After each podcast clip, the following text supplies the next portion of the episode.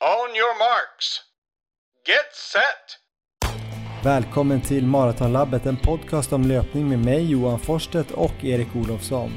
I det här 119 avsnittet kommer vi att prata om så kallade kolfiberskor och vi kommer förhoppningsvis närmare svaret på frågan om vilken sko som är den snabbaste.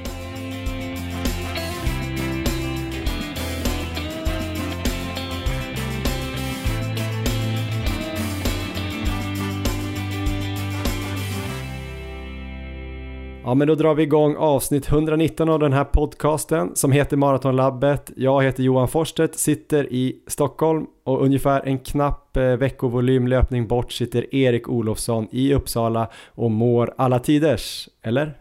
Ja, jag mår fantastiskt Johan och eh, idag är det väl lite av julafton här för både oss och alla skonördar, eller vad tycker du? Det kan man nog säga, det var ju lilla julafton igår när jag var på eh, Activitus och testade lite eh, kolfiberskor och eh, faktum är att hela det här avsnittet kommer ju handla om de så kallade superskorna, karbonskorna, kolfiberskorna, gympaskorna säger vissa. Eh, vi pratar alltså om olika tävlingsskor med ja, kolfiberplatta men då med sånt här fantastiskt skum i mellansulan. Det var väl 2016 Erik, OS 2016 så kom Nike med en eh, supersko som då inte så många kände till. Jag kände inte till det. Det var väl Vaporfly 4% någon prototyp. De blev väl 1, 2, 3 där på här sidan i OS maraton, eller hur? Ja, det stämmer tror jag. Och sen kom ju då den här uh, Breaking 2-filmen med Eliud Kipchoge i slutet av 2017 och skapade ännu mer hype. Och 2018 dök de här uh, Nike Vaporfly 4% upp på lite mer allmän bred front. Jag fick ju tag på ett par sådana här skor till uh, Frankfurt Marathon där vi skulle springa under sub 3 och uh, sen dess har ju de här skorna fått väldigt stort genomslag och nu har ju alla märkena någon typ av sån här sko och allt det här vet ju ni lyssnare såklart. Men i det här avsnittet så ska väl vi försöka få fram då vilka av de här olika skorna som är snabbast egentligen. Åtminstone för oss två Erik då. Ehm, tror du att vi kommer lyckas med det? Ja, men det tror jag definitivt och eh, inte bara för oss Johan, utan vi har ju också en alldeles, alldeles underbart nördig intervju här med en som ju har följt 12 löpare i en studie där. Ehm, så att vi kommer ju få resultatet därifrån också. Yes, vi har pratat med den amerikanska forskaren Dustin Joubert som alldeles nyligen blev klar med en studie då, där han testade löpekonomin i sju olika kolfiberskor då, från olika märken. Och i den studien fick han fram exakta siffror då på hur mycket bättre löpekonomi man fick i de här olika skorna då, generellt. Eh, vi kan väl säga att det varierade från 0% i något av de här kolfiberskorna jämfört med kontrollskon upp till 3% i, i snitt då i den bästa skon. Eh, han testade ju där då eh, Nike Alpha Fly, Nike Vaporfly, eh, uh, Asics Metaspeed Sky, Saucony Endorphin Pro, New Balance, eh, RC Elite och så vidare. Så det är ganska intressanta skor som många använder sig av eh, både runt om i världen men även här i Sverige. Um, så det blir en väldigt intressant intervju. Jag vet inte om det var supernörd Erik, men det kanske den var. Jag har liksom fått en annan nivå av vad som är nördigt nu sen vi har haft den här podden i fyra år snart. Ja, ja, men precis. Men det här har ju diskuterats i löparkretsar eh, i flera år nu känns det som, just när de här andra skorna har börjat plocka fram sina modeller för att utmana Nike och eh, det har ju varit olika åsikter om vilka som eh, har varit eh, jämförelsebara eller till och med bättre men eh, nu idag så kommer vi verkligen få svaret på det här. Och sen har jag också varit och gjort ett liknande test faktiskt. Eh, tanken var att du också skulle komma och testa men det, det, vi fick till slut inte tid för båda oss så att du kommer få göra det här snart kommer bli jätteintressant. Jag hann testa sex par skor igår och eh, då slängde jag också in då eh, Adidas Adios Pro 2 i den här mixen som inte Dustin Joubert kunde testa i, sitt, eh, i sin studie. Och så hade jag då nya modeller av Endorphin Pro och eh, New Balance RC Elite. Så det ska bli kul att höra hur jag då presterar i de här olika skorna och eh, mm, det kan ju bli avgörande för vilka skor jag kommer springa med i Valencia Marathon. Verkligen, och jag vet ju faktiskt ingenting om hur det här gick så att jag är väldigt spänd på att få höra resultaten. Ja, men vi har ett väldigt eh, intressant eh, avsnitt på gång här för alla som gillar då skor. Sen kan man ju säga vad man vill om eh, huruvida man tycker att det är bra eller dåligt att eh, skorna kanske har blivit väldigt mycket bättre på kort tid. Det är ju en annan debatt kanske, jag vet inte om vi kommer komma in på det senare i det här avsnittet. Men nu är det som det är och eh, då är det kul att testa vilka skor som ger mest. Men det som ger allra mest Erik antar jag fortfarande är att eh, träna bra och det kanske du har gjort här de senaste två veckorna sedan vi släppte det förra avsnittet. Eh, hur har det gått? Ja, men jag har försökt i alla fall och det har väl eh, gått sådär skulle jag sammanfatta det som. Jag har faktiskt fått bryta mina två senaste kvalitetspass med känningar. Och det första var i fredags förra veckan, då hade jag planerat att köra ett nyckelpass inför mitt nästa lopp då, som är 100 km. Och då skulle jag springa halva sträckan i tänkt tävlingsfart, så 5 mil i 4.10 snitt och försöka komma i mål på under 3.30 var planen. Sen hade jag full energiplan så som jag planerar att köra på loppet. Och det kändes väldigt bra och kontrollerat fram till 14 kilometer när jag plötsligt började få känning under hälen. Och det är väl ungefär det sista man vill få problem med. Eh, jag eller vi har ju flera bekanta som slitit länge med hälproblem, det har varit hälsporre och annat. Så där fick jag lite panik och lyckades ta ett snabbt beslut att bryta. Så jag sprang nog inte mer än kanske 100 meter med känning i hälen innan jag bröt. Och det här är ju som en strategi jag kör. Jag springer aldrig med någon känning, utan kommer någonting som känns fel så bryter jag alltid passet och sen brukar jag ta mig till närmaste busshållplats. Jag tar fram telefonen och kollar upp där hur långt det är att gå. Så att det har jag gjort eh, ganska mycket faktiskt. Det har varit fyra gånger säkert sedan i somras som jag har fått ta mig hem på det sättet, vilket i och för sig är ovanligt mycket, men eh, jag tror väl kanske just nu att jag liksom ligger och pushar gränsen för vad kroppen fixar, eh, framförallt då med väldigt många mil med tävlingsfart, för jag har ju inte samma så här höga totalvolym som jag hade i våras till exempel, men då var ju väldigt mycket i distansfart bara. Men i vilket fall då så kände jag lite under hälen sen under kvällen så jag beslutade mig för att ta helvila lördag och söndag och kände ingenting under helgen. Så på måndag måndagen igen så beslutade jag mig för att eh, försöka mig på det här passet igen. Och eh, samma upplägg och den gången tog jag mig tre mil. Inga som helst känningar i hälen, eh, men däremot så fick jag känning i höger baksida lår. Oj. Inte så här jättemycket, men det var som en liten krampkänning eller som en liten sträckning. Eh, så det kändes det också dumt att springa på, så jag bröt där efter tre mil och efter det har jag bara kört lugn distans. Eh, så just nu har jag inga känningar alls, eh, det går bra men det känns lite synd att jag inte lyckas få in den här fem milen. Jag tror att det är ett pass som vore bra att få in och eh, vi får väl se, det kan bli ett nytt försök nu i helgen. Tredje gången gilt helt enkelt. En liten fråga där då bara angående det här med att kliva av när man har en liten känning. Om man tänker sig en skala 0 till 10 där 0 är fullt frisk och 10 är eh, aldrig mer kunna springa i livet när går det av liksom? Är det redan på en etta eller? Ja men det är nog där runt en eh, tvåa kanske, alltså verkligen ja. eh, väldigt tidigt och det är säkert jättemånga pass när jag gör det här där det skulle vara helt lugnt att springa på. Men eh, jag tror i långa loppet för att hålla uppe kontinuiteten, vilket jag tycker är den absolut största nyckeln till att fortsätta utvecklas, så så tror jag det här kommer vara väldigt viktigt i slutändan. Så jag kliver av eh, väldigt tidigt och eh, resultatet brukar ofta bli att dagen efter redan så brukar jag kunna springa på utan några känningar alls. Men det är jättesvårt att säga om, eh, om det är rätt eller fel. Men jag har, valt, jag har valt den här linjen i alla fall och tror väl på den. Gör det någon skillnad på om det är en känning som du har känt tidigare som du vet så här, det här vet jag vad det är och då brukar det gå över när jag gör så här och när det är något helt nytt? Eh, nej, egentligen inte, utan eh, det är nog samma oavsett vilket skulle jag säga. Det är starkt av dig tycker jag. Det är ganska lätt att köra på sina pass, eh, speciellt om man springer med någon annan, men även om man kör själv och man vill klara ett pass och man tänker att det passet är väldigt viktigt i sin uppbyggnad. Men eh, det är också väldigt många som blir skadade på det sättet, att man kör på och inte lyssnar. Ja, men det är nog en risk att ta, så eh, det där kan nog vara någonting att fundera på i alla fall. Men det är jättesvårt, det är absolut inte lätt. De här kvalitetspassen jag klev av, det var ju, jag var ju väldigt besviken när jag stängde av klockan och eh, mm. sådär. Men eh, själv då Johan, det går rykten här om att du gjort självaste Erik Anfält stolt med ett riktigt kanonpass. Ja. Ditt livs näst snabbaste maraton.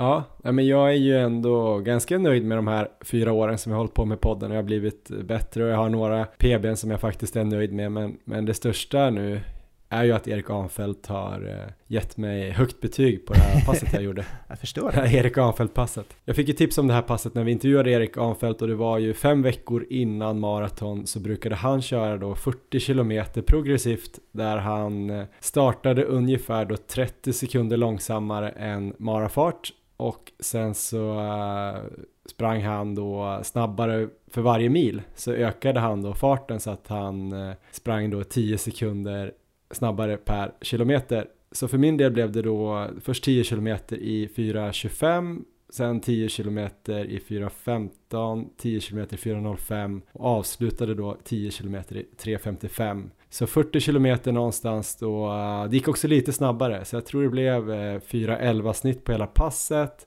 och när jag då hade sprungit 40 så hade jag ungefär 2 kilometer kvar hem och tänkte jag joggar ner halvsnabbt så jag får en mara. Och då fick jag en mara på 2.56,5 då. Enligt klockan då, så jag antar att det var kanske lite, lite kortare än en riktig mara. Men ändå ett riktigt bra pass. Det här var ju strax efter vi hade spelat in förra avsnittet. Ja, det är ju otroligt bra och eh, tanken här är att eh, sista tian där, den ska gå in någonstans i närheten av tävlingsfart va? Ja men precis, maratonansträngning sa väl Erik Anfält där då han eh, gav väl ett visst utrymme att man kanske kunde springa den några sekunder långsammare per kilometer om, eh, om det inte kändes hundra, du vet, om det kanske var en eh, mitt i en träningsperiod och lite blåsigt och sådär så skulle man kanske inte spränga sig. Men eh, det kändes rätt bra. Jag hade lite hjälp under det här passet. Jag hade eh, Viktor Smångs och Albin Olofsson första två varven. Albin sprang faktiskt tre varv och sen hoppade eh, Henrik Wahlberg och hans kompis Paul på de två sista varven. Så det var egentligen bara de sista två kilometerna faktiskt jag sprang helt själv. Nedjoggad. Nej okej, okay, de sista fyra då. Så sista två av det här passet plus nedjoggen sprang jag själv. Så det var ändå så här lite lagom. Jag fick ändå, jag var rätt trött där vid 38 ändå. Då var jag, mina ben rätt slitna och då hoppade Henrik av som sista man då.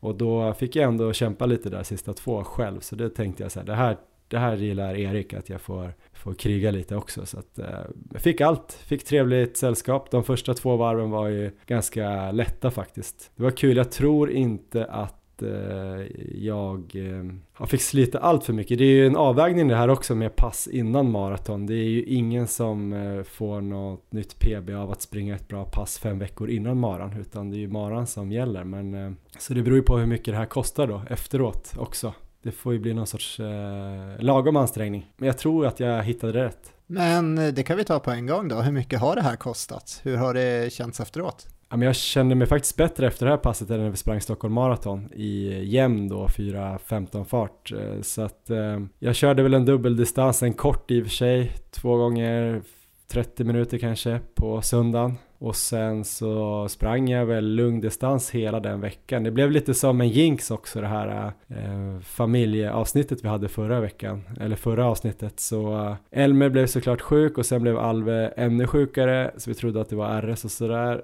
Um, det var inte det, men det var samma symptom så vi var inne både på vårdcentral och sjukhuset den veckan. Nu mår han jättebra så det är skönt, men eh, yes. det var lite slitig vecka där och det blev egentligen transportjogg söndag, det var sen distans efter klockan åtta måndag, det var springa till eh, lekpark eh, fram och tillbaks tisdag, sen var det transportjogg till jobbet onsdag och sen eh, tror jag torsdag var en sen dist efter efter nio till och med. Så att det var en klassisk sån eh, familjekrigar eh, vardagsvecka. du fick nytta av alla lyssnartips som kom in. Ja precis, jag provade det mesta förutom det här långpasset 04.00 då. Men, eh, äh, men det, så det var ju mycket lugn löpning planerat så det passade ju bra in. Och, men jag kände mig okej okay, liksom. Eh, jag tror dag tre, dag fyra så kände jag ändå att det började svara lite. De första distarna var ju väldigt långsamma och sådär. Sen fredagen så körde jag kvalitet igen och då var det väl eh, fem dagar lugnt innan dess. Och då tyckte jag det svarade ganska bra och sen dag sex så körde jag, eller dag sju blir det väl, körde jag ett lugnt långpass som också Erik då brukade göra fyra veckor innan. Det kändes inte jättebra och sen blev jag lite sjuk efter det så jag var antagligen lite krasslig redan där på när jag körde långpasset 31 km lugnt för det kändes inte jättekul. Sen var jag väl eh, lite hängig på söndagen men sen har jag kunnat springa igen så att eh, jag tror det kostade lagom mycket ändå och jag balanserade väl på en knivsegg där när jag gjorde de där, den där hårda passet eh, mitt i en riktig sjukstuga här hemma. Det låter ju som att du ligger helt rätt i fas och eh, vi får hoppas att du har gjort bort den här sjukdomsperioden också då, så det ser lovande ut. Drygt tre veckor kvar. Vi har ett samarbete med Löplabbet också som är, eh, vad då Erik? Det är ju Sveriges största och bästa butik för ja, löpgrejer va? Precis, med åtta fysiska butiker i Sverige och så har de ju då löplabbet.se som är deras webbutik där man kan, förutom att köpa alla grejer i deras sortiment så kan man ju också läsa olika guider och eh, tips där om löpning.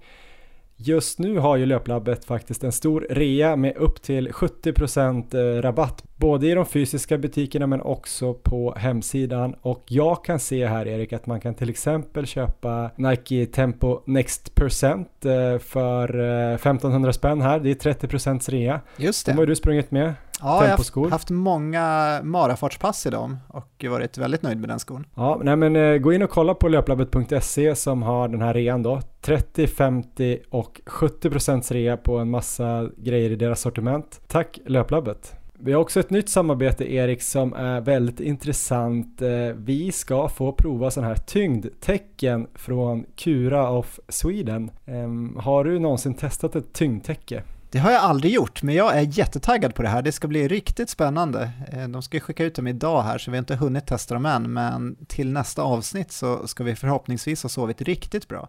Ja, precis. De här tyngdtäckena ska ju hjälpa en att eh, kunna sova ännu djupare och slappna av mer och kanske få ännu mer djupsömn och eh, som alla vet så älskar ju jag och Erik sömn eh, för att ja, dels är det skönt att sova men vi vill ju också få ut mest av vår träning och den största delen av återhämtningen då kanske man får just under sömnen och eh, många elitidrottare sover ju kanske upp mot 10 timmar eh, per dygn just för att eh, kunna återhämta sig och det är ju inte bara mängden sömn utan det är också kvaliteten. Så vi hoppas att vi ska kunna sova riktigt, riktigt djupt här inför våra lopp här i Valencia och Växjö.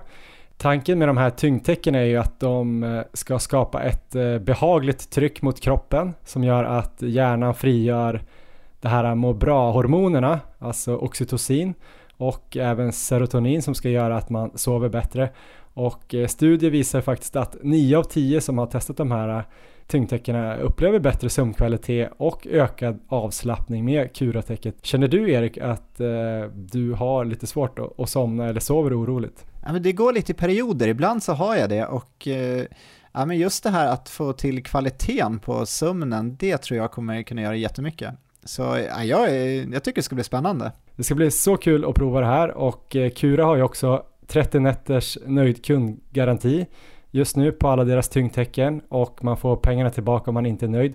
Så om ni som lyssnar också vill testa ett tyngdtäcke så här inför vintern så ska ni gå in på kuraoffsweden.com och då har ni också en rabattkod där som är maratonlabbet 25. Då får man 25% rabatt, eh, alltså maratonlabbet 25. Jag vet inte hur det kommer gå att sova med det här nu när jag sover med min son Elmer men eh, jag hoppas han ska störa mig ännu mindre när vi sover ihop.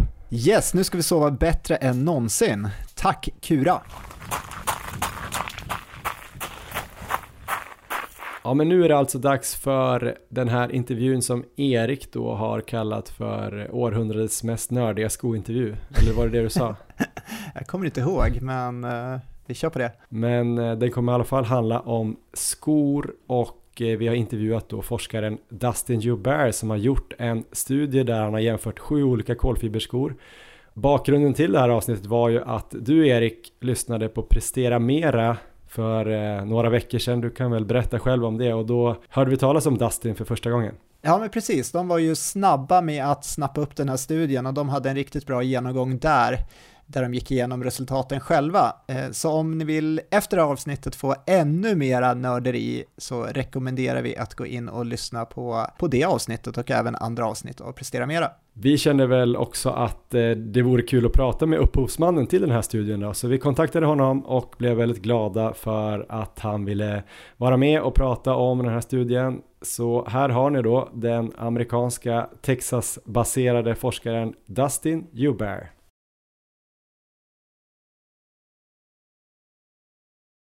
So, uh, Dustin Eubair, welcome to Marathon Lab.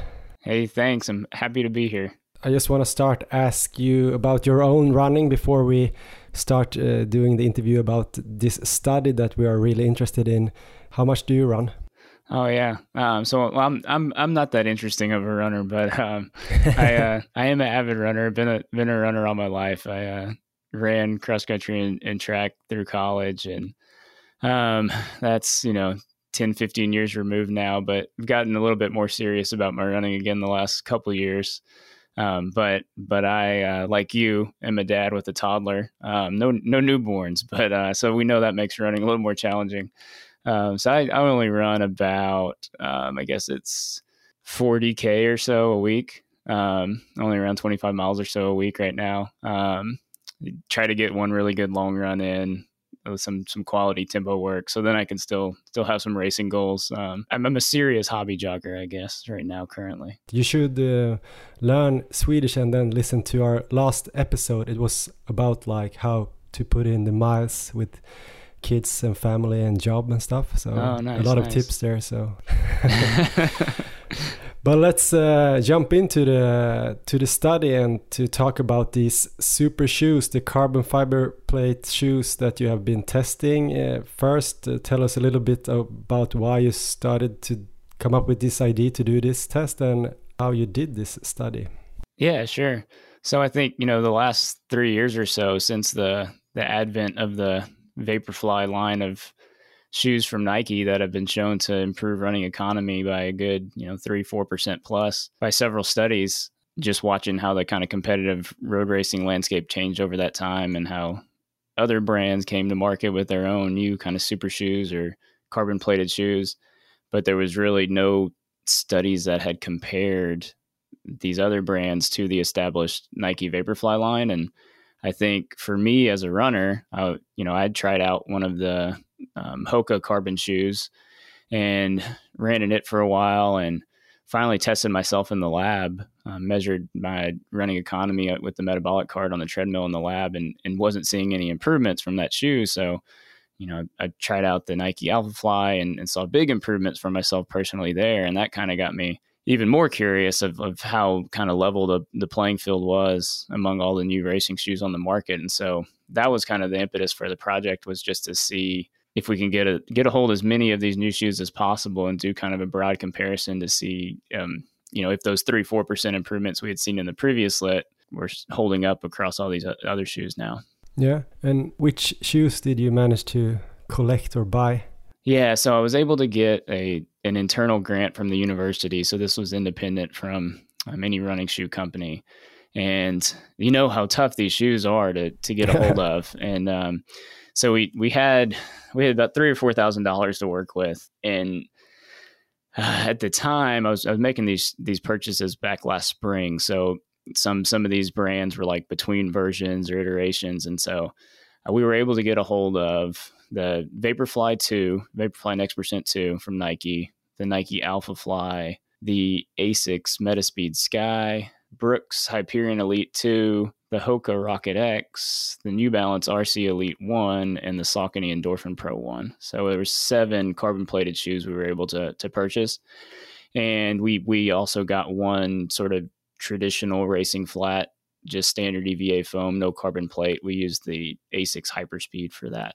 Yeah, as a control shoe or yeah, yeah. Uh, so then, how many runners uh, did you study to run in this these pair of shoes, and uh, how did you test them? Yeah, so we we estimated that we would need around ten subjects um, based on the the sort of effect sizes or like the magnitude of the improvements shown um, in the previous studies. to kind of make these comparisons between shoes. So everybody repeats all the testing in in all the shoes, and so it's you can you can come to some statistical conclusions with smaller sample size when when you look at these kind of study designs. So we we ended up with 12 subjects. Um, our criteria, because we were testing at 16 kilometers per hour, our criteria was that the subjects had to be basically in like sub 1730 5K shape, because that's a kind of a a rough way for us to estimate that they would be working below their their lactate threshold when we were testing them at that 16 kilometer speed. 16 kilometers would be around 345 i think minutes per kilometer that we count in sweden and yeah, yeah 1730 would be 330 so. Yeah so so you know recreational competitive runners for sure not elite athletes um, but competitive age groupers. We had a mix of like some collegiate runners and some mid 30s competitive age groupers. So to test running economy, as I said, you you have to have them testing basically below their threshold because what we do is we we quantify like the aerobic component of energy expenditure by measuring oxygen consumption um, with a metabolic cart. So most people are familiar with like measurement of oxygen consumption to determine VO2 max, which is which is an important marker of endurance exercise performance. But when we measure your your oxygen consumption submaximally, we can tell sort of indirectly how much energy that task is taking. And so the idea behind running economy is you would want to take less energy to do the task. And so if your if your submaximal oxygen consumption is lower and your your energy expenditure is lower, you're more economical. It makes that work easier to do and also allows you to then at a given physiological intensity actually be able to run faster. And so that's that's the benefit that was previously shown in these shoes. So so we measured running economy that way at a fixed speed on the treadmill with the metabolic cart and to do that we had them run in all eight shoes on two separate visits. And so we randomized the order that they tested the shoes on the first visit and they completed eight 5-minute trials. So it takes it takes two to three minutes for oxygen consumption to sort of reach a steady state level. And so, with a five minute trial, we can kind of capture the steady state energy expenditure um, through that aerobic component over the last couple minutes. So, we did eight five minute trials. They have a five minute break between trials. So, so the intensity is submaximal and there's a significant amount of recovery um, between each repetition. But it was eight reps. So, to limit the effect of any kind of like sequence or order effect in the testing, we brought them back for a second visit and they tested the shoes in the reverse order. So we could get sort of the averages between the, the two visits. Um, and we used those values to make the, the comparisons between the, the eight shoes. Before we go into the results, was there anything like now when you look back you could have done differently in the study, or did you think that this was really the best idea? Uh, so the paper, this is we released the preprint of the paper, so it's under it's under peer review currently. So I'm waiting to hear back from first round of review. so so we'll see what the reviewers say about that, right? Uh, um, in terms of the design, this was this was modeled pretty closely from the the two previous um, studies that had been done with the Vaporfly from the the Hochhammer paper and the Barnes and Kilding paper, and so so we mirrored sort of the design and the way we've kind of presented the results pretty similar to those. On the, you know, marks. the one criticism. Get so this is this has been out online for for a month plus now, and so there's you know been a lot of chatter on social media and and uh, this sort of chief criticism I've seen from some of the um, established bio biomechanists out there is um, concern over like the treadmill surface. So so really hard um, decked treadmills that don't flex or have a lot of give to them would you know make the conditions more similar to the road. We tested on a Woodway treadmill. So to test at that speed in the lab, the other treadmill I have sort of positioned near our metabolic cart in the lab doesn't go as fast. Um, so so we tested on the Woodway treadmill, which was similar to the the Barnes and Kilding paper actually, but some folks wonder if like sort of the magnitude of the differences between shoes could be larger um, on okay. harder surfaces. But we we know that people's running economy can be worse on harder surfaces. Um, but but I don't know that there's any data out there to actually show that um, the magnitude of the difference between shoes differs based on the treadmill. And then if we talk about the results, what did you find? From some from some of that pilot data I had on myself, um, I expected you know some shoes to probably not perform as well as that established Vaporfly shoe, and that that's what we saw. Um, there was a few shoes that really didn't offer any benefits relative to that control shoe. The um, Hoka Rocket X and the Brooks Hyperion Elite 2. didn't offer any significant benefit relative to the, the control shoe. Um, there was sort of a second tier of shoes that offered around one and a half percent benefits in running economy. That was the New Balance RC Elite and the Saucony Endorphin Pro one. And then the top tier shoes that uh, we expected probably that Vaporfly to be up there. Um, the Vapor Nike Vaporfly Next Percent Two, the Alpha Fly from Nike as well, and the Asics Metaspeed was the one that sort of matched up to those. So um, that was the only one that that sort of leveled up to the Nike shoe in our lineup. But how do you translate this uh, maybe three percent better running economy in uh, minutes uh, gain in a marathon? Like, can you translate that in any form? Yeah, good question. Yeah, so so there's some been, been some work done, um, some different predictive modeling, and even some experimental studies to show how changes in economy in the lab actually translate to improvements in performance times. And it kind of depends on the running speed because it's not a perfect one to one ratio. At, at slower speeds, um, I think probably like 14 kilometers per hour and slower, it's probably a little bit more of a one to one ratio. So if you have a 3% improvement in economy in the lab, that's probably pretty close to 3% improvement in performance times for most of your aerobic intensive events. At faster speeds, though, which a lot of this testing has been done at, when you know look at more competitive runners, this testing has been done at like 16 kilometers to 18 kilometers per hour for the most part. At those speeds, the increased energy costs like it's it's not perfectly linear. There's a little bit extra increase in energy costs at running in faster and faster speeds and part of that's due to you know air resistance on the roads being greater when you're running faster. And so I, some of the work that's been done previously would suggest probably you know for a three or four percent economy improvement you're maybe getting like two thirds of that um, in terms of performance time improvements. There's actually um, there's a, a, cool paper that the Hochhammer um, group did that gives some like predictive modeling for that. And there's actually a calculator where you can actually plug in your numbers um, and your race distance and your race times, and it'll it'll give you a, a translated like performance improvement based on economy improvement value. Cool, but in a three-hour marathon, it would be at least like one or two minutes to take the Alpha Fly instead of your control shoe. Oh, absolutely. Yeah. For for me, for the yeah, for that three to four percent in the alpha fly that a lot of our subjects saw. Yeah, you're probably looking more in the five minute range um, for a three hour marathoner there. And uh, what are your thoughts about the results? Why do you think some of the shoes perform better than others? Was it like, do you think it's the foam, the plate, the weight, drop, etc.?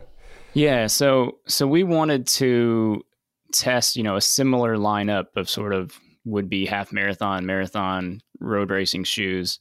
So they were all carbon plated among the experimental shoes. They're all shoes that have, you know, mo- most have new foam technology, um, at least proprietary to their brand. Um, most have higher stack. Um, so, so those are kind of commonalities uh, among them. But the the foam itself differs across all these these shoes and brands still.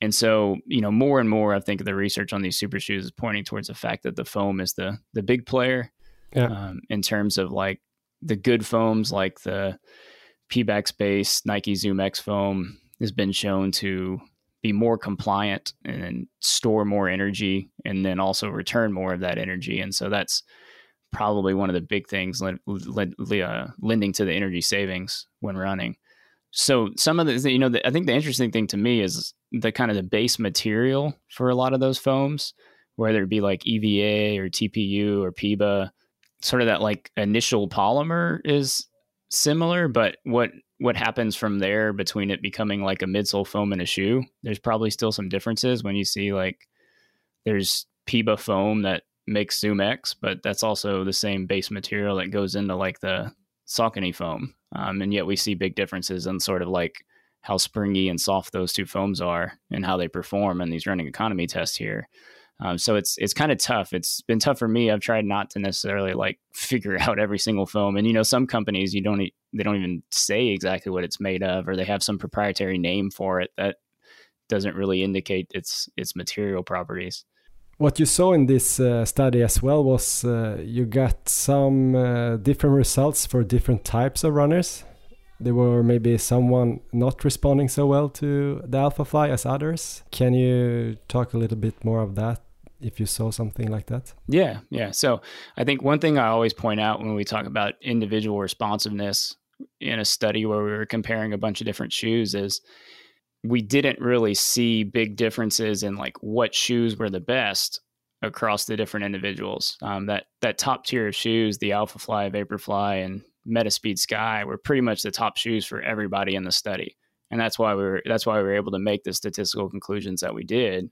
What differs differs more on an individual level level was sort of the magnitude of responsiveness. So some people some people might have responded like four percent on average to those top shoes, whereas others might have only responded two percent. So that would be like you know your higher versus your lower responder. Okay, so it's no one uh, running better in the Brooks Hyperion Elite compared to the Alpha. Exactly. there's nobody, and there's a there's a there's a figure in our preprint of our paper that illustrates that pretty well. That um, sort of if you look at how the shoes are ranked, the the top shoes, there, there's there's more variability among those top three shoes, um, but those were the top three for just about everybody. Um, now, but on that topic, on that idea of sort of what impacted the magnitude of their response to those top shoes.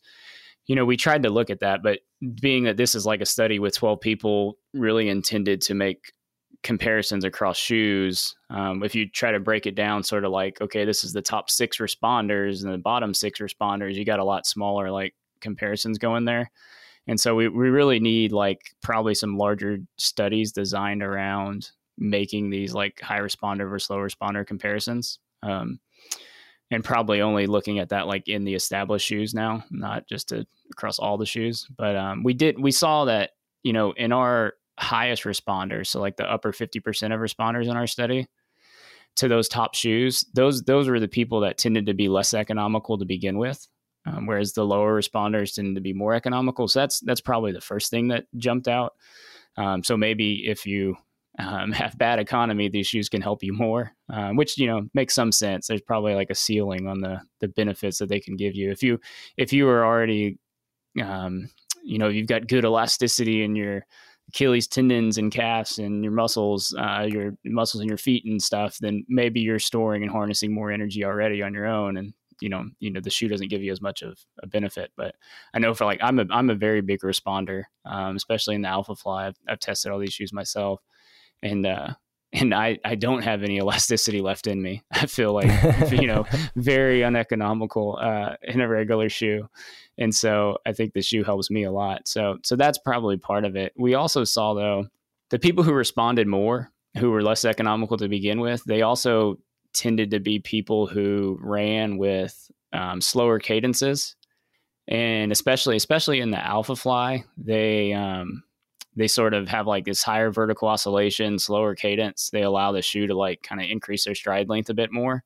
And so I do think um, there may be something to like being able to uh, across all the the studies in the lit, kind of a common theme you see with the Vaporfly and now the Vaporfly and Alphafly in this study is in terms of mechanics changes. It seems like people take a little bit like longer, bouncier strides, so they're increased. They're the shoes helping them to increase stride length without you know increasing energy costs of that. And so they, they run with a little little slower cadence. But i think if you if you probably try to resist that um, maybe you don't you don't harness as much of that benefit. Um, we'd have to design something to kind of examine that. But um, that's kind of the sense i get from some of our data. Did you see anything about like how you put in your foot like with the heel first or the midfoot or the front foot even? We didn't examine heel foot um, versus midfoot, forefoot strikers. I know in the original Hochhammer paper, they did um, look at their subjects that way. Um, that was just in the, the Vaporfly prototype. And they saw not too big of differences in responsiveness, but the heel strikers actually did respond a little more than, uh, but that, and then that kind of coincided when I look at his, his data there, there, the heel strikers um, were also those folks who have a little bit slower cadence. So, so there might be something to that. But is there any shoe out there on the market now you think could have matched the Nikes and the Metaspeed? Do you think? it, you know, it's hard to say without without testing stuff. Everybody's like, "Why didn't you test this shoe? Why didn't you test that shoe?" And um, the reality is, academic research is never going to solve this problem of like what's the best shoe for us because there's always going to be a new shoe out, right? And we're never going to have every shoe tested in a given study's lineup. So I think this is like a good kind of this is kind of a good check to have every few years, especially with like the changing changing industry and changing technology. You know, obviously the shoe that we didn't test that everybody wonders about is the the Adidas Adios Pro.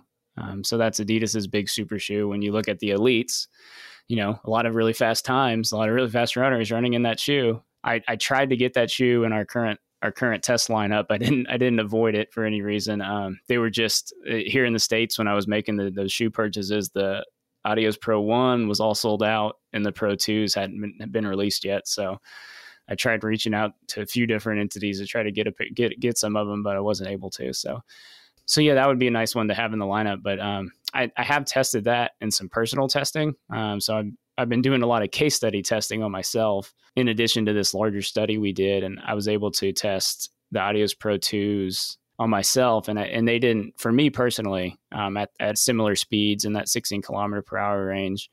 That shoe didn't do well for me um, compared to the Nike shoes, and so it'll be interesting to see if anybody does some larger studies with that shoe or if we can get some uh, materials testing that actually compares the that Lightstrike Pro foam to the the Zoom X foam because it does feel a, a, a, quite a bit different if we're just thinking about how compressible it is and compliant it is from an energy storage standpoint. It feels quite a bit different than that Zoom X foam. So. But for you personally, how much uh, better did the Alphafly than the Adios Pro then? Yeah, so I uh, I'm usually around three to four percent plus response responder to the uh, to the Alphafly. I'm I'm a better responder in the Alphafly than the Vaporfly. I'm usually like about a percentage point lower in the Vaporfly. And then when I tested all those shoes together on the same day, you know, I was I was only like a one percent responder in the the Adios Pro. So it was like one percent, two percent, three percent plus um, for the the Adios Pro versus the two Nike shoes.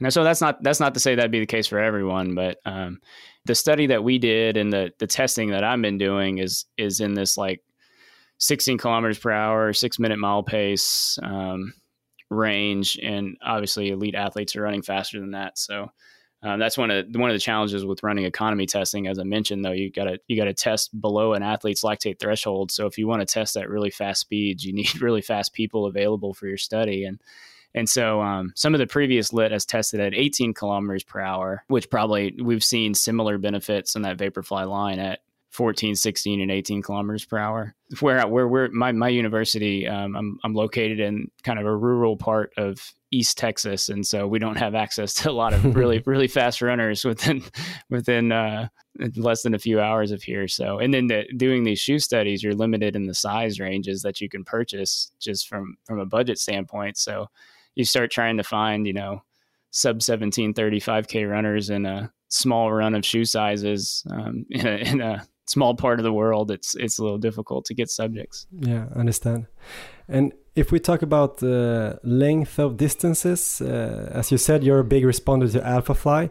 Would you choose uh, those shoes for all races between 5K up to a marathon? I think that's a really good question because I, I listen to like the shoe review guys all the time and they're like, oh, this shoe would be great for a marathon. And, um, but I would, I would probably go down to this shoe for a half marathon or a 5K. And, and I kind of sit here scratching my head sometimes, like wondering on what basis people make those kind of suggestions. And I think a lot of that has to do with it just considering the weight of the shoe. That's what we've traditionally been kind of honed in on, right? Is like lighter shoes, shorter distances and you know that's made sense traditionally because we know that heavier shoes typically result in worse economy. And so at shorter distances where i don't maybe need as much protection or cushioning you know we've always gravitated towards lighter shoes.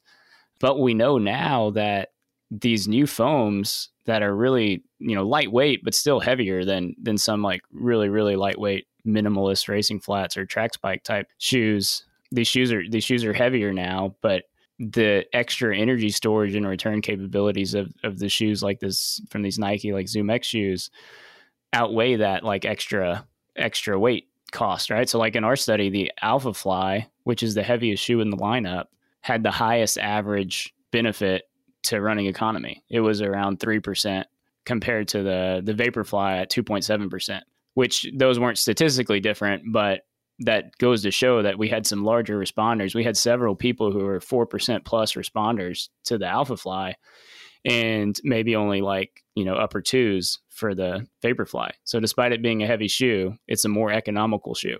And so I, I would argue that yeah, for any of those those races that are primarily aerobic in nature, so you probably could throw the 5K in there, but definitely 10K and up. I would argue that your most economical shoe is your best option for racing. Um, and so, so yeah, for me, you know, I'm a 4.6 responder to the Alphafly. It's it's my best shoe compared to anything else, and so I'm going to race that in everything. Um, you know, I think I think it becomes more of a question if your most economical shoe is like a really really lightweight shoe that you don't feel has like the cushioning and protection to carry you over longer distances. Then it then it becomes like how do you how do you scale up? But I don't have any concern wearing a heavier shoe at shorter distances now because I know that shoe is, is the most economical for me. So yeah, I mean, I raced a, a mile time trial in those earlier this year and, and ran probably 10 seconds faster than I expected to. Um, that was when I actually first got the Alphaflies and I was kind of like, whoa. um, so, so yeah, I, I think, um, shorter distances, you go, you go like guys who are running a mile really fast, you probably have some other other issues or concerns or or that might not be the most economical shoe for them at really fast speeds or you got issues you know with traction or something maybe on a track using a a racing flat versus spike at some of those really fast speeds. But yeah i think i think 5k and up um, definitely whatever's your most economical shoe. And even for a 24 hour race as well this is a question from my podcast friend um, yeah, so I don't I don't do any of the ultra stuff. Um, so I don't even want to think about going that long. But um, but yeah, I would I would think uh, you know if as long as depending on the the um the surface conditions of the race, but if you're doing that on on roads or like flat you know flat surfaces, not uneven terrain or trails, um, we don't really know about these shoes functioning well on, on those kind of conditions. But but yeah, I would think uh, those benefits. You know, we saw the 24 hour world record right recently was in Vaporflies, weren't they? Yeah. Um, and you know, and that that goes to speak to another one of the likely benefits of these shoes that has just been less explored because it's harder to do this kind of work. But you know, anecdotally, most people report um, less muscle damage, less soreness, better recovery. Right, your your um, your legs don't feel as trash late in long races, and so that's probably leading to some of these performance improvements um, as well it's it's easy to measure acutely in the lab the running economy stuff. It's a little harder to design the studies to go trash people's legs and measure mus- uh, blood markers and muscle damage and stuff. There's there's a little bit of data. There's some um, some conference proceedings um, that I think might have been presented actually from Nike Lab um, that showed showed reduced markers of muscle damage in the Vaporfly compared to the Pegasus and I think that that would probably match with most people's anecdotal experience with these shoes. I know I know me personally that that makes a lot of sense from some of the long runs I've done recently in the, the Alphafly versus my regular trainers. Yeah, now you can actually jog the day after a marathon, and a couple of years ago you couldn't walk for a week, so yep. something has happened. But uh, talking about durability of this kind of shoes, have you done any any testing in that particular area? Uh, I think that's a question a lot of people have because they want to know when they have to buy a new pair, right? So I, I, I have a limited amount of data on this, um, just on some case study testing I did on myself. Um, I think one of the big questions is if this new springy foam is so great, how long is it great and springy for, right? Or when does it start to lose some of its its capabilities to to improve the running economy?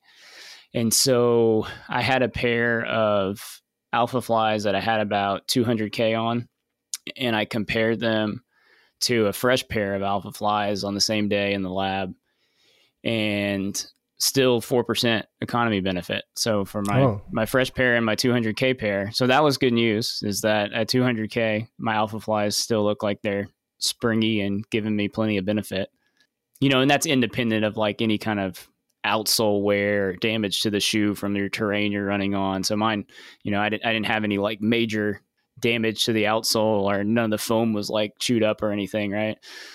So I'm gonna test those again. I've, I've been doing a lot more running in that that pair of Alphafly. So I think here into December I should have 400k plus on that shoe, and so I'll compare them again and see how they're doing at 400k. And so that's just a, a direct comparison to a fresh pair. Um, so so yeah, looked pretty good for the, the 200k comparison though. Yeah, good news both for running economy and uh, like the ordinary. Yeah, yeah, and for for our spouses who um who complain about us buying two hundred fifty dollar running shoes all the time, right? Yeah, we're coming to the end here, but uh, we talked a little bit about it in the beginning. But is there a point when the pace gets too slow to get some benefits from these types of shoes? Yeah, I think that's a question a, a lot of people have because these shoes have pretty much been studied at 14 kilometers per hour and faster, which is basically sub three hour marathon and faster. Um, which there's a whole lot of people running marathons at you know majority of people running marathons at slower paces than that that these shoes are still being marketed to that are still purchasing these shoes and wondering if it's worth worth their while and so we've we're testing currently we've got a study going where we're comparing the vaporfly next percent 2 um, and looking at its effects at slower speeds at both 10 and 12 kilometers per hour. So basically corresponding to like 330 to uh, 415 or so marathon runners. My hypothesis, and based on some preliminary data, would be that the running economy benefits there or less um, at those slower speeds. I mean, kind of working theory on why that might be would be, you know, if you're not compressing this foam with as much force like you are at running at faster speeds, maybe you're not getting as much of the benefit that um, that might come with it.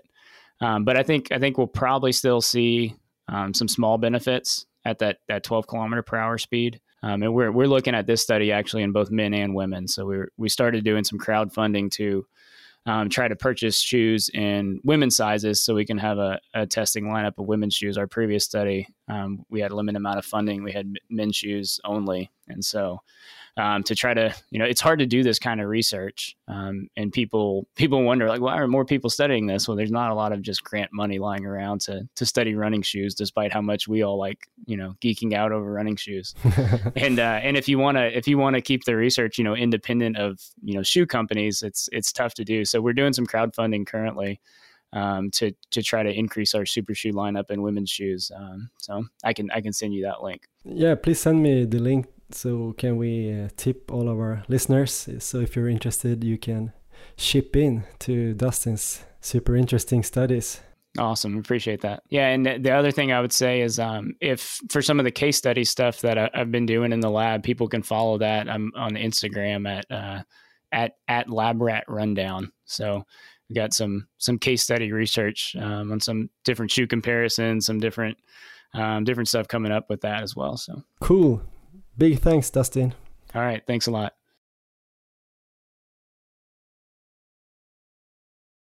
Ja, men det där var alltså Dustin Joubert om hans studie av de här olika kolfiberskorna. Erik Olofsson, eh, var det någonting som eh, förvånade dig i intervjun eller i den här studien? Ja, men det var ju en del som var väntat, ungefär eh, de skorna man kanske trodde skulle stå sig bäst. Det var väl också så i slutändan. Sen så var det ju andra saker som förvånade väldigt mycket, till exempel med hållbarheten på de här skorna som man hade testat på sig själv. Men om vi tar då någon slags skoranking först och sådär, så Eh, det var lite överraskande tycker jag att Asics Metaspeed Sky stod sig så bra som den har gjort.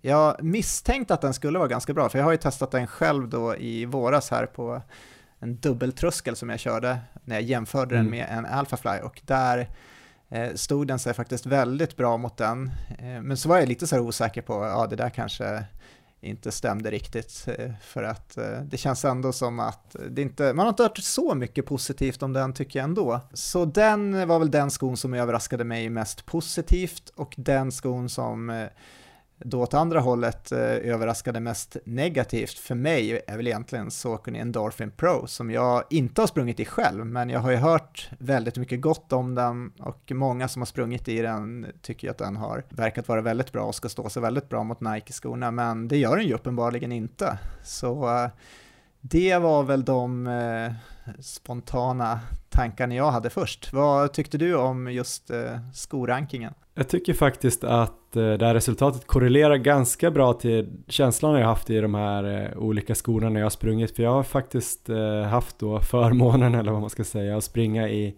de fem bästa skorna i, i Dustins studie här. Så jag har väl ändå känt att jag har fått ganska bra hjälp eller vad man ska säga av Alphafly och Vaporfly. Jag har alltid tyckt att jag har sprungit bra i dem. Sen Asics eh, Metaspeed Sky, vi fick ju faktiskt dem från Asics i början av året och sprang med dem. Min första känsla var ändå där att de hade fått till någonting riktigt bra som påminde mig om Vaporfly. Den är ju lite lättare än Alphaflyen, så ganska lik eh, Vaporfly i känsla tyckte jag. Och du gjorde det här testet och sprang bra och ehm, ja, men jag har gillat den. Och sen eh, den har inte fått så stor, stort genomslag känner jag i kanske den svenska, liksom, vad ska man säga, elitmotionärssvängen. Det är inte så många man ser som springer den på lopp, men Blumenfelt eh, vann ju, sprang ju den när han vann eh, triathlon här i OS. Eh, okay, Jag antar att Sara Lahti sprang den i den nu när hon slog svenskt rekord i halvmaraton. Eh, hon är ju Asics-löpare, så att jag tror ändå att det är mycket Asics-löpare som har sprungit bra och jag tror att om det var tvåan eller trean nu i New York Marathon sprang i sprang även i, i Metaspeed Sky. Så det. det kände jag att den kanske skulle kunna eh, vara rätt bra. Sen om den var lika bra som Vaporfly, vilken den ju nästan var i det här testet, det kanske var lite överraskande. Och sen har jag väl känt, jag gillar eh, både känslan i Endorphin Pro och eh, New Balance. Eh, New Balance kanske jag tyckte var lite mjuk, men jag gillar skon och känslan. Men jag har också känt att de ger mig kanske inte lika mycket om jag ska springa ett riktigt eh, hårt pass och jag känner att det är på något sätt viktigt att jag ska klara farterna så alltså, har jag ju slängt på mig min, min gamla då Vaporfly sko, den här eh, gröna Next Percent som jag också hade då på mitt långpass här för någon vecka sedan. Jag känner mig snabbare i dem så att det är ganska halvväntat ändå. Fast jag vet inte vad som var väntat innan och hur mycket jag har nu läst om det här och testat själv. Eh, jag, så jag kan vara lite färgad av eh, intryck så att säga. Men eh, du hade kollat lite närmare också på studien och tagit fram lite spännande grejer då att eh, det är faktiskt väldigt många som förbättrar sig väldigt bra i de här bästa skorna. Ja, men precis. Jag har kollat igenom lite grann och eh, om vi då tar Alphafly som ju var bäst ändå till slut, den hade alltså 3,03% förbättring i snitt mellan alla löpare. Och där var det alltså 4 av 12 som hade minst 4% sänkt syrekonsumtion. Och det är ju ganska anmärkningsvärt. Det stämmer ju in rätt bra då med Nikes tidigare marknadsföring med den här 4% eh, som de pratade om mycket där på en av de tidigare modellerna. Och lika mycket som man skulle få då om man eh, äter rödbetsjuice, eller hur? Det var någon studie som sa 4% där också. ja, det kanske var det. Ehm, och eh, bland de andra skorna så var det ju faktiskt ingen som hade 4% eller bättre, förutom en person som sprang med Asics Metaspeed Sky. Eh, det fanns en där som hade mer än 4% förbättring. Eh, Vaporfly hade ingen då som hade 4% eller mer sänkt syrekonsumtion, men däremot eh, hälften hade 3% eller bättre. Och eh, även då Alphafly, där var det 7 av 12 som hade minst 3% förbättring. Asics Metaspeed Sky där hade 4 av 12 som hade 3% eller bättre. Men de andra modellerna som var med i testet, New Balance, Saucony Endorphin Pro och Hoka RX och eh, Brooks Hyperion Elite, där var det alltså ingen löpare som hade 3% eller bättre. Så att eh, de här tre skorna sticker ju verkligen ut i det här testet och eh, Alphafly är ju lite vassare verkar det vara ändå eh, gentemot Vaporfly, även om skillnaden är ganska små. Och sen så är ju Asics då, ett, vad ska man säga, ett minisnäpp under. Eh, men de, det är helt klart de här tre skorna som, om man kollar på den här studien, känns intressanta att välja på lopp. Sen så är det ju, det är spännande, för du springer ju också här då i Adidas Adios Pro 2.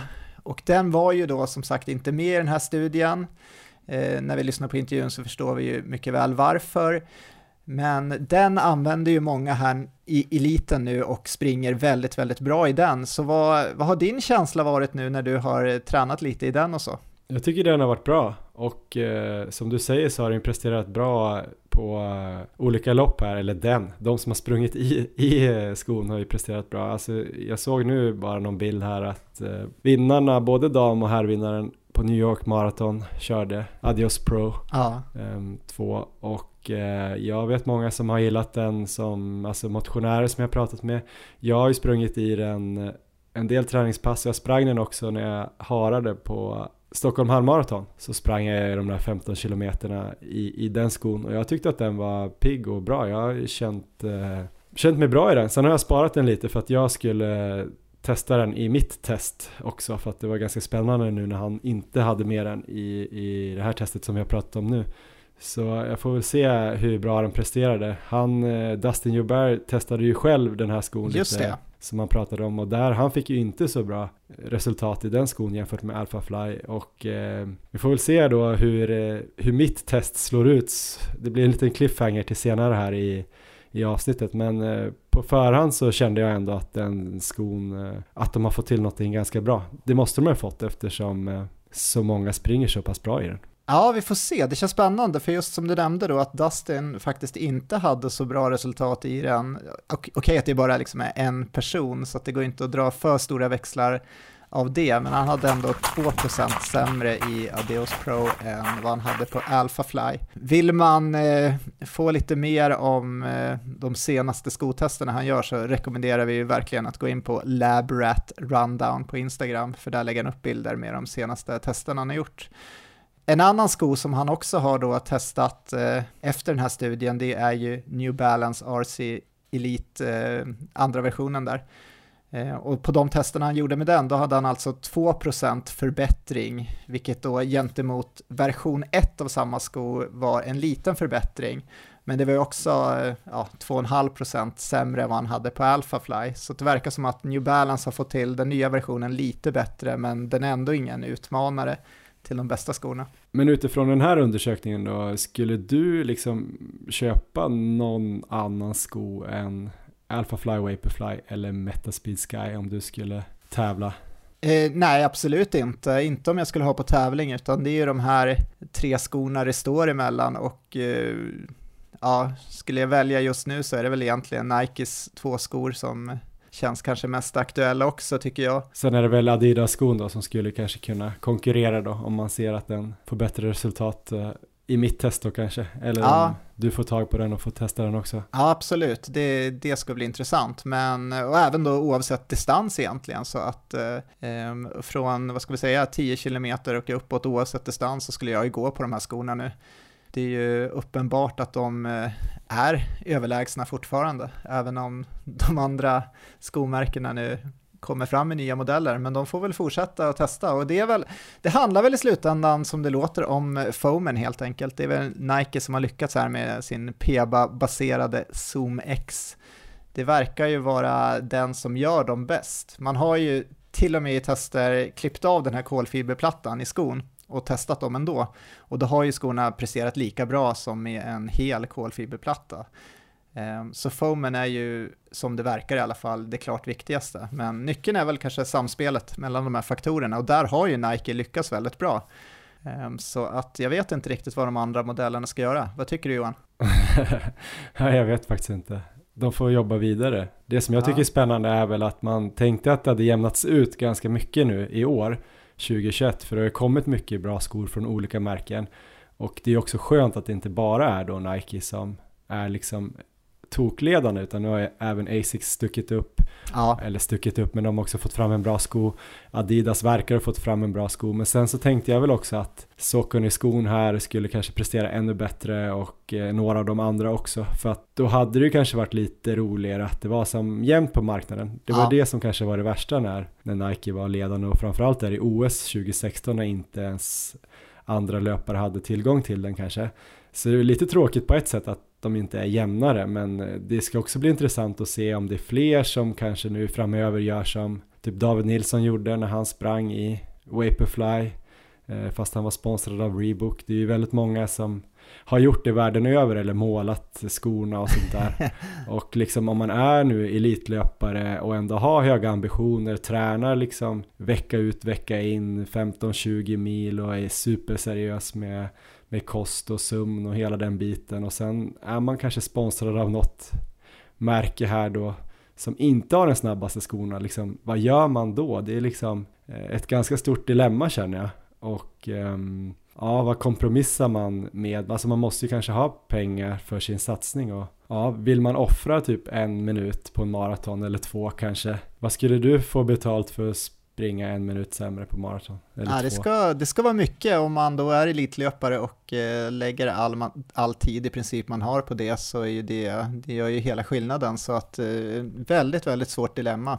Absolut. Sen ska vi ju tillägga såklart att eh, det här var ju en studie på 12 löpare i 3.45 fart. Det är ju möjligt att om man springer maraton i 3.00 fart eller 3.30 eller 3.20 att det inte överensstämmer på samma sätt och just ens egna personliga stil, löpstil kanske, kanske inte heller är perfekt i Alphafly eller någonting utan man kanske då springer lika bra i, i Brooks Hyperion Elite 2 som Alphafly. Ja men då är det ju såklart eh, att man kan springa i dem om man tycker de är skönare och eh, man får spons av dem såklart. Eh, jag tänkte dra lite mer intressanta siffror från studien här när det kommer till eh, kadens och löpekonomi.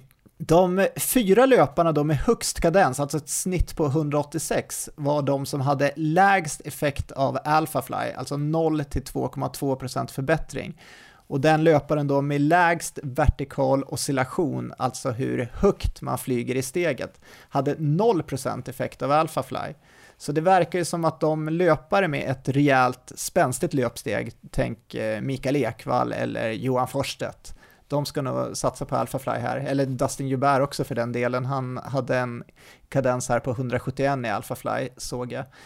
Och på andra sidan då så finns det ju till exempel jag som har en snittkadens på, jag hade 193 på Jordbro Marathon i våras där jag sprang i Alphafly. Eh, så att eh, jag är väldigt spänd nu för att testa det här själv och se vilken effekt jag får av de här skorna, för jag tror ändå att jag får väldigt bra effekt. Jag skulle bli väldigt förvånad om jag inte får det, för det känns ju som att det har gjort en jättestor skillnad både på mina lopp när jag sprungit 10 km med maraton också. Ja, nej men teorin där verkar ju vara att man kanske då om man har för hög kadens, eller för hög, men om man har hög kadens att man inte hinner riktigt eh, utnyttja den här eh, studsen i skorna. Man hinner kanske inte trycka ner eh, foamen eller skummet så mycket att man hinner få den här returen. Det ska bli intressant att se Erik, och synd att vi inte han får med dig här också, men eh, får se längre fram. Men eh, jag antar att du inte kommer eh, välja samma skor nu när du springer i Växjö som du gjorde när du sprang 100 km sist eller?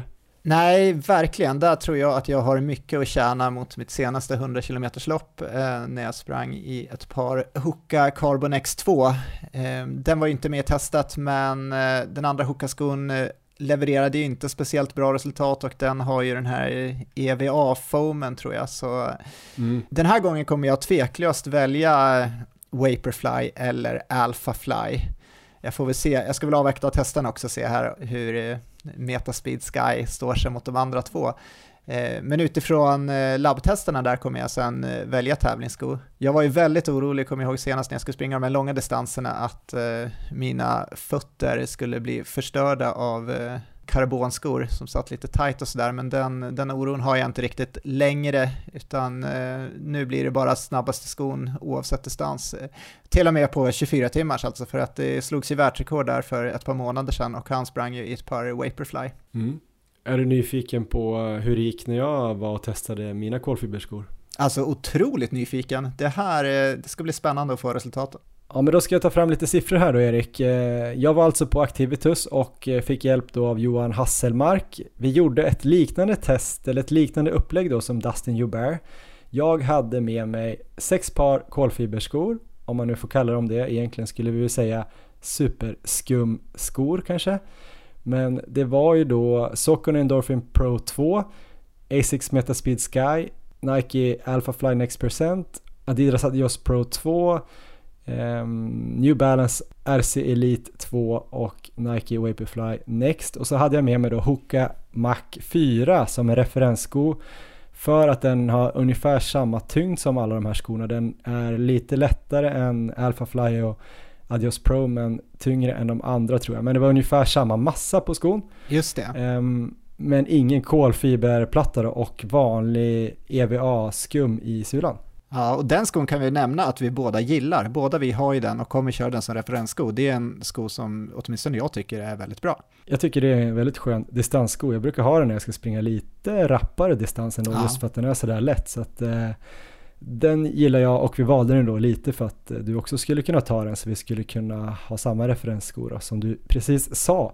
Men eh, upplägget då på själva testet var ju att vi först hittade en fart som eh, var mer eller snabbare än lågintensiv fart. Tanken var ju att jag skulle komma upp över vilolaktat, alltså över 1,0 eller jag hade kanske 1,3 i vilolaktat.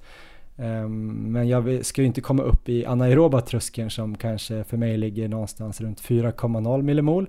Utan jag skulle då ligga i medelintensiv zon och jobba för att det skulle just bli ett test av min aeroba kapacitet i de här skorna. Eh, så när vi mätte hade jag kontrollskon då och eh, vi kom fram till slut att jag skulle springa i 4.00 fart. Och sen då skulle jag springa i alla de här eh, sex skorna och kontrollskon. Vi la kontrollskon i mitten. Sen så var det helt slumpmässig ordning. Jag sprang i alla skor alltså fyra minuter på 4.00 fart. Jag hade tre minuters ståvila med skobyte så sprang jag då sju gånger fyra minuter. Och sen hade jag då 15-20 minuters helvila innan jag eh, körde om testet igen. Men då var det omvänd skoordning. Så den som var nummer, eh, alltså sista skon jag sprang i på första omgången var då den första på andra omgången. Helt exakt som Dustin Joubert alltså gjorde. Nu då vet ni ju förutsättningarna och Erik, vilken sko tror du att jag sprang bäst i? Eh, nej men jag tror ju på eh, Alpha Fly för dig och det är väl inget vågat tips men, eh, men det är väl den jag tror du har fått bäst resultat i. Det är jättespännande med Adidas-skon också eftersom den inte var med i den andra studien så jag är väldigt nyfiken på att höra de resultaten och också hur mycket bättre Alpha, Alpha Fly var än referensskon. Så ja, låt höra. Ja men det som var intressant i alla fall som eh, Johan Hasselmark tyckte var skitkul och jag också då när vi ändå gjorde det här testet det var ju att man kunde se ganska stora skillnader. Han var ju lite inne på att det inte skulle vara så stor skillnad mellan de olika kolfiberskorna då men att man skulle få en skillnad mot referensskon. Men man såg ganska snabbt och jag kände ganska snabbt att det var skillnad på de här olika intervallerna och eh, till exempel då efter att jag sprungit första gången i Alphafly så sa han ju direkt när han kom in och hade sett mätningarna då av syreförbrukning och eh, laktaten och så frågade han så här, eh, hur kändes den där egentligen?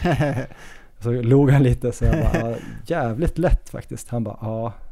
Så det var ganska intressant. Vi mätte ju laktatet alltså alldeles innan jag gick på varje intervall och eh, när det var ungefär 15-30 eh, sekunder kvar av intervallerna för att få se då hur mycket laktatet gick upp under intervallen. Första gången jag sprang med Alphafly så gick jag knappt upp i laktat alls. Det kändes som att jag joggade. Eh, sen ska man väl säga då också att eh, det här testet gäller väl egentligen mig på det här löpandet i Precis. den här farten. Och för absolut bästa resultat skulle jag kanske ha gjort om de här testerna, jag vet inte, 20 eller 30 gånger liksom. Det är ju samma med Dustin Joubert egentligen. Han har ju testat 12 stycken löpare. Hade han kunnat testa 1200 löpare så hade det ju varit ännu mer tillförlitligt. Det är lite svårt alltså att säga exakta procent hur mycket bättre jag var i olika skor.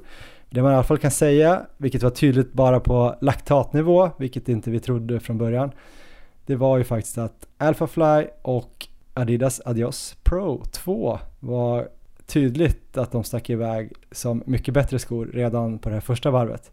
Och det höll i sig även på det andra varvet. De var, mitt laktat gick upp mycket, mycket mindre i de skorna så att eh, istället för att springa då kanske över två i laktat på fyra fart så, så låg det en bit under för båda de skorna och eh, om man då kollade mot eh, syreförbrukningstestet då så var det också de två skorna som stack ut eh, om man tog totalen på båda de här eh, testerna. Det var faktiskt Adios Pro 2 som hade lite, lite lägre syreförbrukning än eh, då Alphafly, men den Oj. var strax därefter.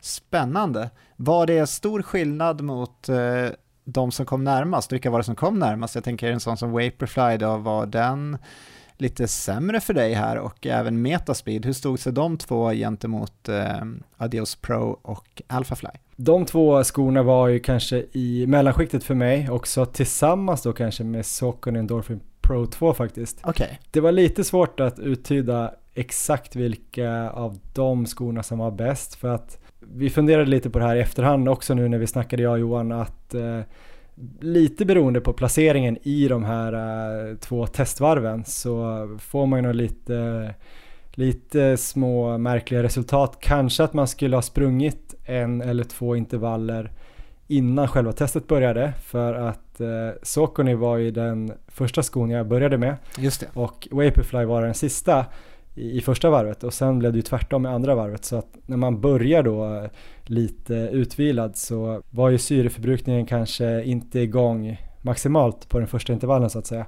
Så eh, värdena där blev lite svårtolkade men de tre skorna var ungefär likvärdiga i det här testet. Sen var det ju väldigt tydligt att eh, för mig då så var eh, New Balance RC Elite 2 den som presterade sämst. Den presterade ungefär i samma eller på samma nivå som kontrollskon då, Hoka ja. Mach 4. Hoka Mach 4 var faktiskt tydligast den skon som jag sprang sämst i. Ja. Så det var ju ändå intressant att alla de här kolfiberskorna var bättre än en vanlig distanssko. Vilket också var ganska väntat. Men eh, New Balance var inte alls speciellt eh, mycket bättre. Knappt eh, mätbart. Spännande Johan, kan vi få någonting så här i stil med Dustins test, att vi får eh, någon procent där på sänkt eh, syreförbrukning? Ja, vi räknade faktiskt ändå lite på eh, syreförbrukningen och kanske inte att man kan få exakta siffror, men det visar ändå att eh, jag springer då, om man tar ett snitt mellan eh, Adidas och eh, Alpha Fly-skon alltså ett snitt av deras ja. syreförbrukning. Om man slår ihop de två skorna som var tydligt bäst. Och sen tar man ett snitt av New Balance och Hoka-skon då som var tydligt sämst för mig. Så ligger ändå där eh, ganska nära 3,8-4% eh, procent ja. bättre för Alphafly-skon och Adios-skon då.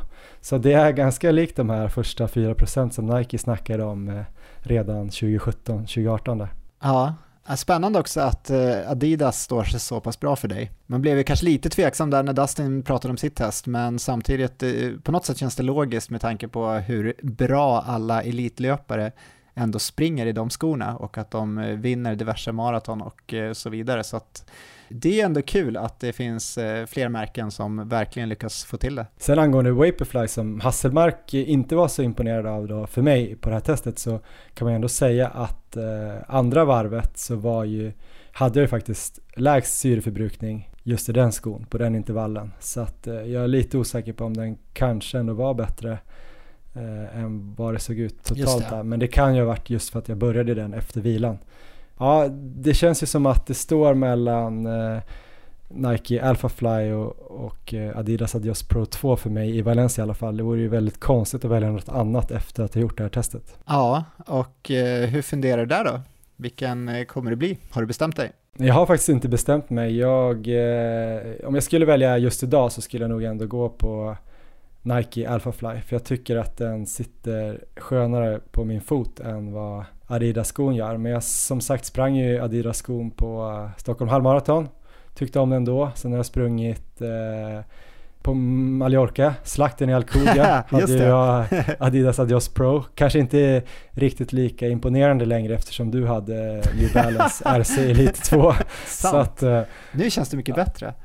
så att jag kunde hänga av dig där i den där lite motlutan eh, upp där var väl bara de här 5 procenten som jag tjänade eh, mot dig då helt enkelt. Men eh, ja, det var ju segt. Men jag fick ju glädjas åt det en liten stund i alla fall. Aha. Nej men jag tror ändå, jag kanske försöker få in Adidas-skon på något kvalitetspass här och eh, känner efter den och ger den ett ärligt, en ärlig chans till. Men det lutar ändå åt eh, Alphafly just nu faktiskt. Och det som ska bli jäkligt intressant också är ju att eh, se hur du då springer i Alphafly kontra Hooka Mac 4 för du ska ju här inom, ja, innan nästa avsnitt eh, ganska säkert testa något liknande och du har en annan idé också hur du ska göra dina tester. Ja, precis. Jag kommer ju köra samma upplägg som du har gjort fast med färre skor. Eh, som vi har nämnt så kommer jag köra samma referensskor den här är Mac 4. Sen så lägger jag nog fokus bara på de skorna som har presterat bäst i de här testerna vi har fått höra om. Dels då ditt test och dels eh, Dustins test. Så att jag tänker då att jag ska testa Alphafly, Metaspeed och eh, ja, kanske någon till Vaporfly 2, eventuellt Adidas om jag får tag i den. Och sen kommer jag köra ett upplägg där jag startar på morgonen och genomför testet men därefter så kommer jag ge mig ut direkt utomhus och köra cirka sådär en 20 km ungefär någonstans runt maratonansträngning.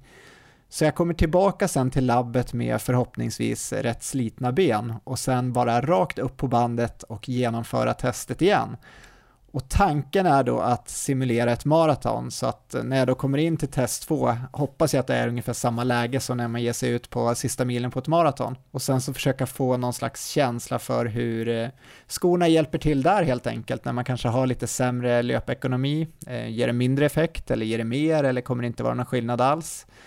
Så eh, det är det upplägget som jag då tänker köra och något som eh, självklart kommer bli jätteintressant är att se hur eh, dina bästa skor eh, kommer liksom stå sig mot de jag får och eh, om du nu hade 3,8% om jag kommer ligga där på något liknande eller inte. För vi springer ju faktiskt väldigt olika. Du har ju ett väldigt spänstigt löpsteg och eh, ganska låg kadens medan jag har väldigt hög kadens och inte alls det här spänstiga löpsteget. Så att eh, det kan vara intressant för lyssnarna också. Det är inte alla som eh, springer som du och Dustin gör, utan det är kanske ganska många som eh, springer mer åt mitt håll. Ja men det ska bli väldigt intressant att se och det jag kan lägga till också var ju att jag gick över också förresten till Fredrik Selén som ju har ja. sin mottagning eller vad man ska säga, sitt band bara i rummet bredvid där jag och Johan Hasselmark gjorde alla de här testerna. Och så sprang jag på hans band och han filmade mig och körde in eh, den filmen i Motion Metrics som ju det här systemet heter som han använder. Och så analyserade ju då mjukvaran där mig och även då Fredriks eh, skarpa ögon. Och där var det faktiskt så att jag hade ju helt okej okay resultat i alla skor faktiskt, inklusive eh, Mac 4. Jag kom i den här A plus nivån med alla skorna, utom ett par skor som jag fick A++, alltså den bästa då det bästa betyget man kan få där då på Motion Metrics, där man då eh, ska springa mest effektivt. Och då kan du gissa vilka skor det var då? För det var faktiskt inte någon av de här två uh, toppskorna. Ja, men jag råkar ju redan veta att det var ju Metaspeed va?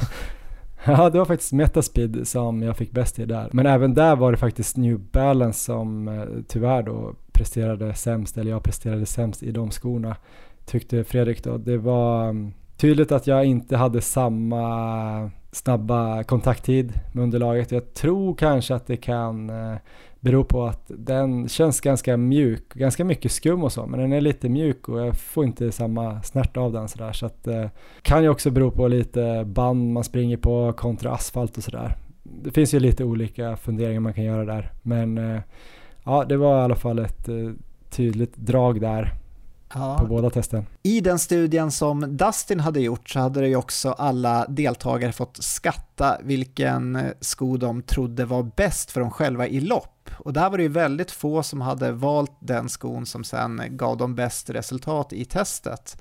Eh, vilken känsla var det du då hade när du sprang där på bandet med alla de här skorna? Om du, nu hade, om du ska bortse från eh, alla resultat och sånt där som du vet nu i efterhand, eh, vilka skor kändes bäst helt enkelt? Bra fråga. Det var ju faktiskt några skor där jag kände att det blev jobbigare att springa. Det var väldigt tydligt att eh, när jag hade Hoka Mac 4 så var det tuffare att hålla farten faktiskt. Eh, jag tycker ändå att eh, det kändes faktiskt lättast i Alpha Fly, alltså rent generellt löpmässigt, men jag tycker även att de skorna sitter bra på mig och de passar bra, så jag tror nog ändå att jag skulle ha valt dem. Däremot Adidas Adios Pro 2 tyckte jag inte kändes så bra.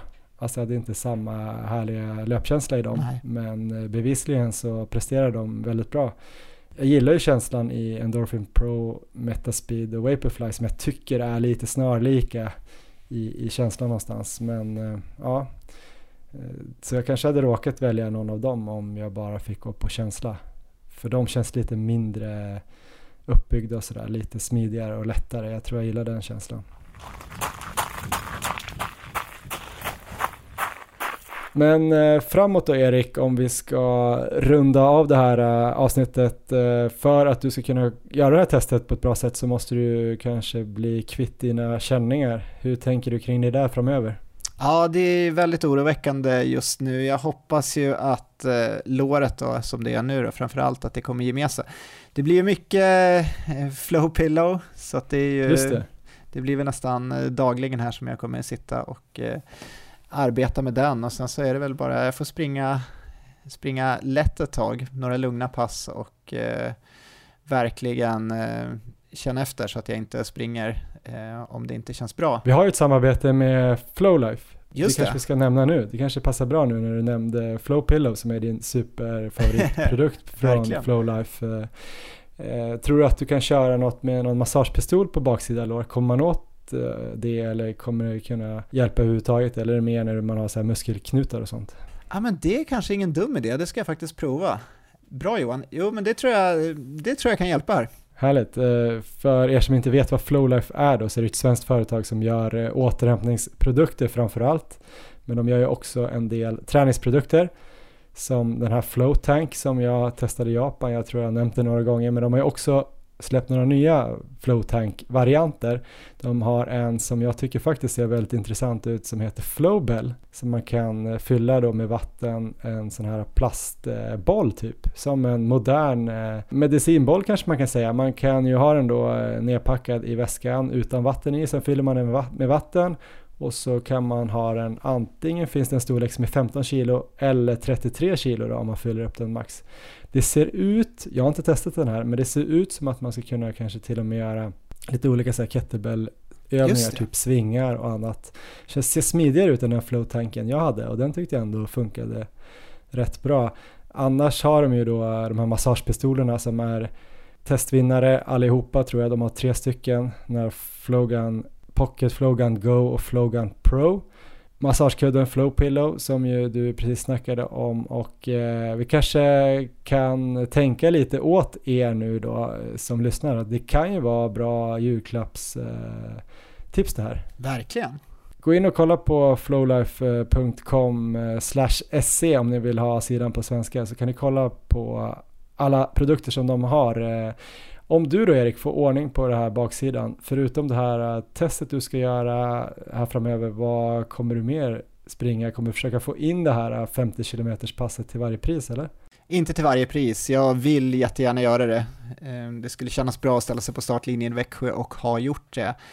Men eh, det kommer ju definitivt inte göras till varje pris. Men jag hade hoppats på några veckor nu med hög volym och några riktigt långa pass i tänkt tävlingsfart. Nu ser det lurigt ut alltså, så jag är, jag är lite orolig inför just den här sista uppladdningen.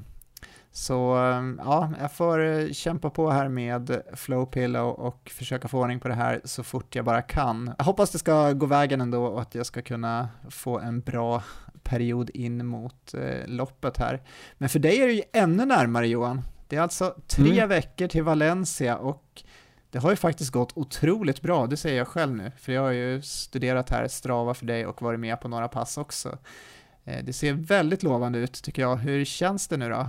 När det börjar närma sig? Ja, men det känns faktiskt eh, ganska bra. Det känns som att jag börjar komma i form. Jag har haft eh, ganska många veckor med ganska bra volym. Jag tror jag snittar över 9 mil sista 8-9 veckorna. Åtminstone, kanske mer. Ehm, jag känner att oavsett lite hur det går i Valencia så har jag haft en väldigt, väldigt bra träningsperiod eh, som kommer hjälpa mig nästa år. Men jag vill ju såklart prestera i Valencia nu när jag ändå ska dit. Och eh, men nu börjar det ändå kännas som att eh, 2.45 i alla fall ska väl inte vara omöjligt. Sen får vi Härligt. se vad jag vågar testa på när jag väl står på startlinjen. Um, får se om jag får någon feeling där. Men uh, det är väl några pass kvar. Jag ska få köra ett här nu i helgen. Någon sån här marafartsintervallpass som vi får se vad det blir.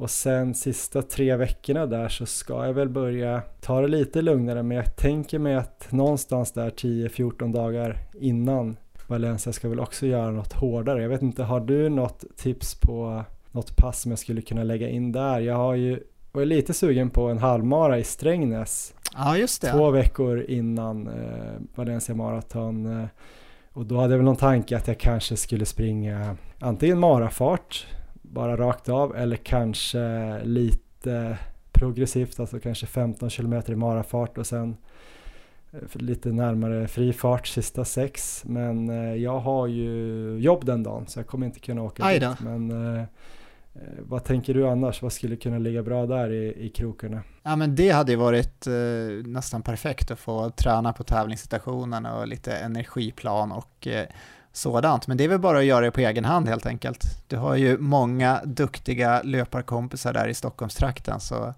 få med dig några och sen så kör du en simulerad halvmara helt enkelt. Ja, nej men jag ska kolla upp lite, lite löparböcker och kanske stämma av med Erik Ahnfeldt också. Han hade Just det. lite tips på vad man kunde göra de sista tre veckorna men vi tog inte det i poddintervjun så att jag kanske får höra av mig till honom. Men eh, något till pass i marafart som är lite mer ordentligt efter det här passet i helgen då. Men sen ska jag bara njuta av att eh, jag ska försöka inte få någon taper madness alls. Jag ska bara försöka njuta av att jag får träna lite mindre och att mina ben ska bli riktigt, riktigt fräscha för det har jag längtat efter nu ett tag. Ja, och sen kommer du dessutom sova bättre än någonsin nu när du får ett täcket hem också. Ja, och den här veckan som kommer så är faktiskt eh, Elmer också uppe hos eh, farmor och farfar och mormor och morfar i Östersund. Så det finns ju fina förutsättningar eh, för att få bra sömn, bra återhämtning och bli riktigt fräsch i kroppen. Men då vill det till att vi snart slutar spela in podcast så Just jag kan det. gå och lägga mig. Eller vad tror du? Ja, men det får vi göra nu. Tack för idag Erik. Mycket trevligt att prata med dig som vanligt och jag hoppas och tror att folk tycker att eh, det här har varit ett intressant avsnitt om eh, skor. Kanske en vattendelare. Ja, men det De tror jag. som eh, gillar snabba skor tycker det är jättebra. De som helst springer i långsamma skor eller barfota eller med någon sån här eh, mockasiner som Tarahumara-indianerna. de kanske inte kommer gilla det här avsnittet. Ja, nej men det finns ju en del motståndare till den här nya typen av skor helt klart, så att definitivt en vattendelare. Jag tycker ju ändå att eh, en, ett stort plus med de här skorna är just att de är mer skonsamma och ändå håller ner skadorna i löparvärlden. Så eh, jag väljer att se det på det sättet. Ja, ha det bra, krya på dig Erik. Detsamma, hej då!